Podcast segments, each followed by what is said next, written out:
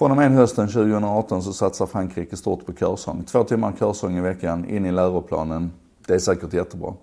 Men det är också symptomatiskt tror jag att man samtidigt plockar bort mobiltelefonerna ifrån skolan. Inte bara ifrån lektionerna som det tydligen har varit lag på länge att det har varit förbjudet. Utan hela skolperioden så ska mobilen låsas in eller ja, den får inte finnas där i alla fall. Oklart hur det här ska genomföras men men så är det i alla fall. Och det här är ett tecken i tiden. Det är också ett tecken i tiden vilken eh, storm det blir här hemma nu. Hur många det är som hänger på det här och, och pekar på svenska politiker och säger varför fattar inte ni det här modiga beslutet? Och jag blir så jäkla bedrövad. För skolan och samhället hänger ihop. Vi kan inte frikoppla dem. Och i samhället idag så ser det ut så. Alltså svenskarna och internet säger jättetydligt. 98% av alla sexåringar är aktiva internetanvändare. De kommer alltså till skolan och har redan börjat använda tekniken för lek och nöje och för lärande. Och har de inte börjat använda tekniken för lärande och sett möjligheterna med det så är det ju skolans uppgift att visa det. Skolan ska ju, ska ju lära oss grunderna för ett livslångt lärande. Skolan ska ju anpassa och, och, hjälpa eleverna att bli fungerande i vårt demokratiska samhälle. Och hur löser vi det genom att ta tekniken ifrån dem? Och, och, den mänskliga drivkraften har ju helt uppenbart visat att vi vill ha den här tekniken redan från tidig ålder. Och då måste vi ju se till att bygga på den drivkraften. Det är ett otroligt misslyckande om vi skulle ta tekniken ifrån kidsen.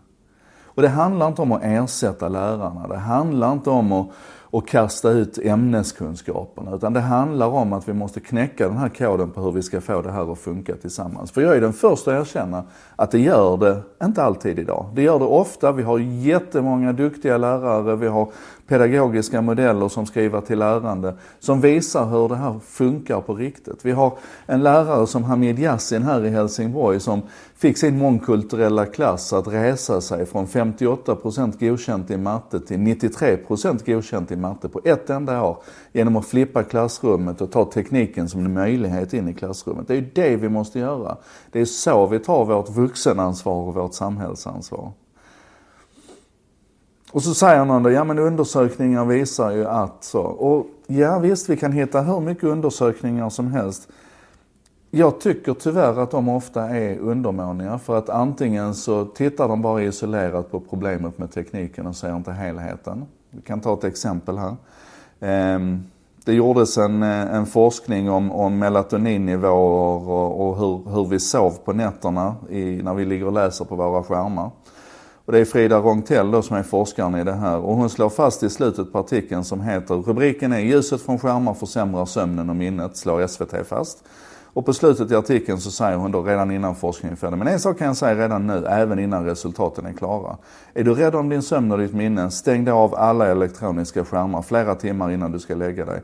Och alla skärmar bör vara absolut förbjudna i sovrummet, säger Frida Rongtell. Och så resultatet från studien väntas bli klart nästa år. Så kommer då resultatet från studien. Uppsala forskare. Bok lika dålig som platta. Det handlade alltså inte om plattan och ljuset utan det handlade om det faktum att om man läser ända fram till man ska sova så, så sover man sämre. Så när man väl liksom plockade in den gamla hederliga boken i ekvationen så fick man en helt annan bild av vad det var som var problemet. Och så där tycker jag det är med väldigt mycket forskning. Och ett annat problem med forskningen det är att att man, det som ligger under det man beforskar. Och det är ju klart att om du, om du fortsätter bedriva den pedagogiska utbildningen, om du fortsätter att, att ha exakt samma upplägg på ditt lärande i klassrummet och så kastar du in teknik. Då är det ju klart att du får problem. Du måste ju naturligtvis anpassa helheten. Och då tycker jag skriva till lärande som Annika Geli Genlott och Åke Grönlund har arbetat med, där det finns två utmärkta studier, visar det här otroligt tydligt. Och då hade man tre stycken grupper som man arbetade med. Den första gruppen arbetade med den traditionella pedagogiken. Den andra gruppen, då kastade man in teknik bara och, och egentligen gjorde ingen förändring. Och i den tredje gruppen så såg man till att läraren och den pedagogiska modellen och tekniken arbetade tillsammans. Och Tittade man på de här resultaten så blev resultaten absolut sämst i den gruppen där du bara kastade in teknik och i princip lyfte undan läraren. Eh, I den gruppen där man eh, fortsatte att göra som man alltid hade gjort så fick man ju de resultaten som man alltid hade fått. Medan i den gruppen när man på allvar integrerade det här så såg man att elevernas läshastighet blev högre, eleverna skriver längre och mycket mer utvecklade texter redan i årskurs 1 genom att blanda in tekniken. Sen gjorde man en uppföljande studie på det här som var större där man gick in och tittade ännu djupare på det här och kunde då konstatera att spridningen mellan eleverna, alltså bäst och sämst, de blev mindre, lägre för att de sämre eleverna kom längre fram.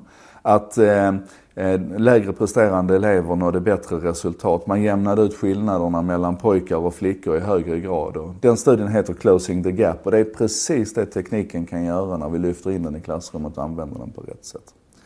Så det här är, det här är liksom